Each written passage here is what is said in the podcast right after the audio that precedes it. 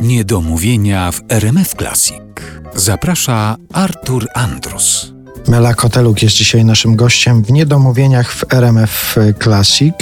Przed chwilą rozmawialiśmy o właściwie takich wspomnieniach rodzinnych i tutaj się pojawiły na przykład zdjęcia i to od razu mnie kieruje w stronę twojej płyty Migawki. Ty w jakimś wywiadzie, w jakiejś rozmowie na temat tej płyty mówiłaś o tych migawkach, że te migawki można różnie pojmować. Nawet użyłaś takiego sformułowania trzask migawki jest fascynujący sam w sobie. Ty fotografujesz?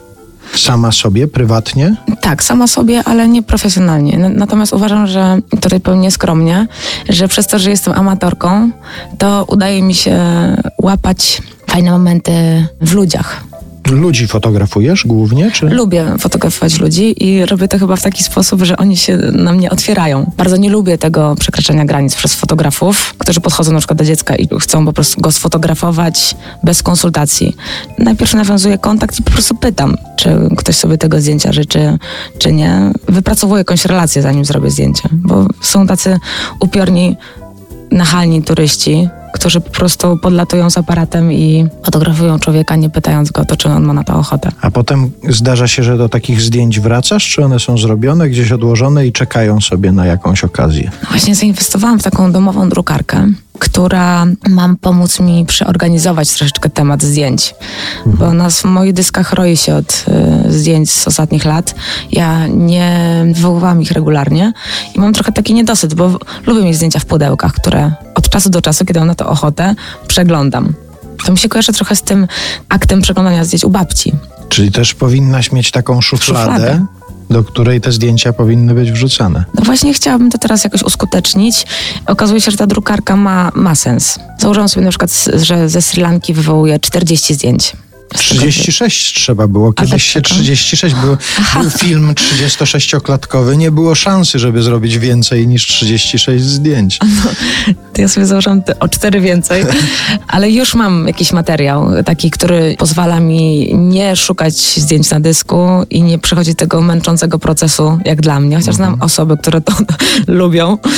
A jeszcze wracając do tego e, zdania, którego użyłaś w jakiejś prasowej rozmowie, trzask migawki jest fascynujący sam w sobie, to chciałem Cię zapytać o te dźwięki fascynujące jeszcze. Czy jeszcze kojarzą Ci się jakieś takie dźwięki, które w jakiś sposób przywołują jakieś wspomnienie, w jakiś sposób Cię fascynują? Ja dlatego to zapytałem, że jak przeczytałem to Twoje zdanie o trzasku migawki, to mnie się od razu przypomniał dźwięk maszyny do pisania.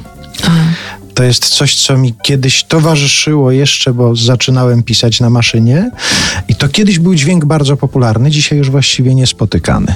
Gdzieś zaniknął nam taki dźwięk. Jeszcze jakieś dźwięki fascynujące przypominają ci się? Masz jakieś takie dźwięki, które ci się kojarzą? Maszyna do szycia. U mojej babci która też pracuje w specyficzny sposób i nadaje ten taki rytm. Ale to już elektryczna, czy jeszcze tak nożnie nożna, napędzana? Nożna, no. nożna. Silniki samochodów, które kiedyś mi się kojarzyły, potrafiłam rozpoznać jakiś y, dany silnik, nawet przez Markę moment. samochodu, tak? Markę, Markę samochodu nie, ale silnik, jakiś mhm. V6 czy V8. A, proszę. Ale no teraz jakby w związku ze zmianami klimatycznymi, z tym wszystkim, co, w czym jesteśmy i co gwałtownie postępuje, jak widzimy, tego się już nie da obalić w żaden sposób, no przestały mi się te dźwięki kojarzyć jakoś przyjemnie. Przypomniałam sobie ostatnio, że jak byłam ma mała z siostrą, to bardzo często przyjeżdżały obok domu babci czołgi na poligon. I to był huk. One zawijały obok domu babci i my byłyśmy jakby przerażone tym dźwiękiem. Potem się do niego przyzwyczaiłyśmy.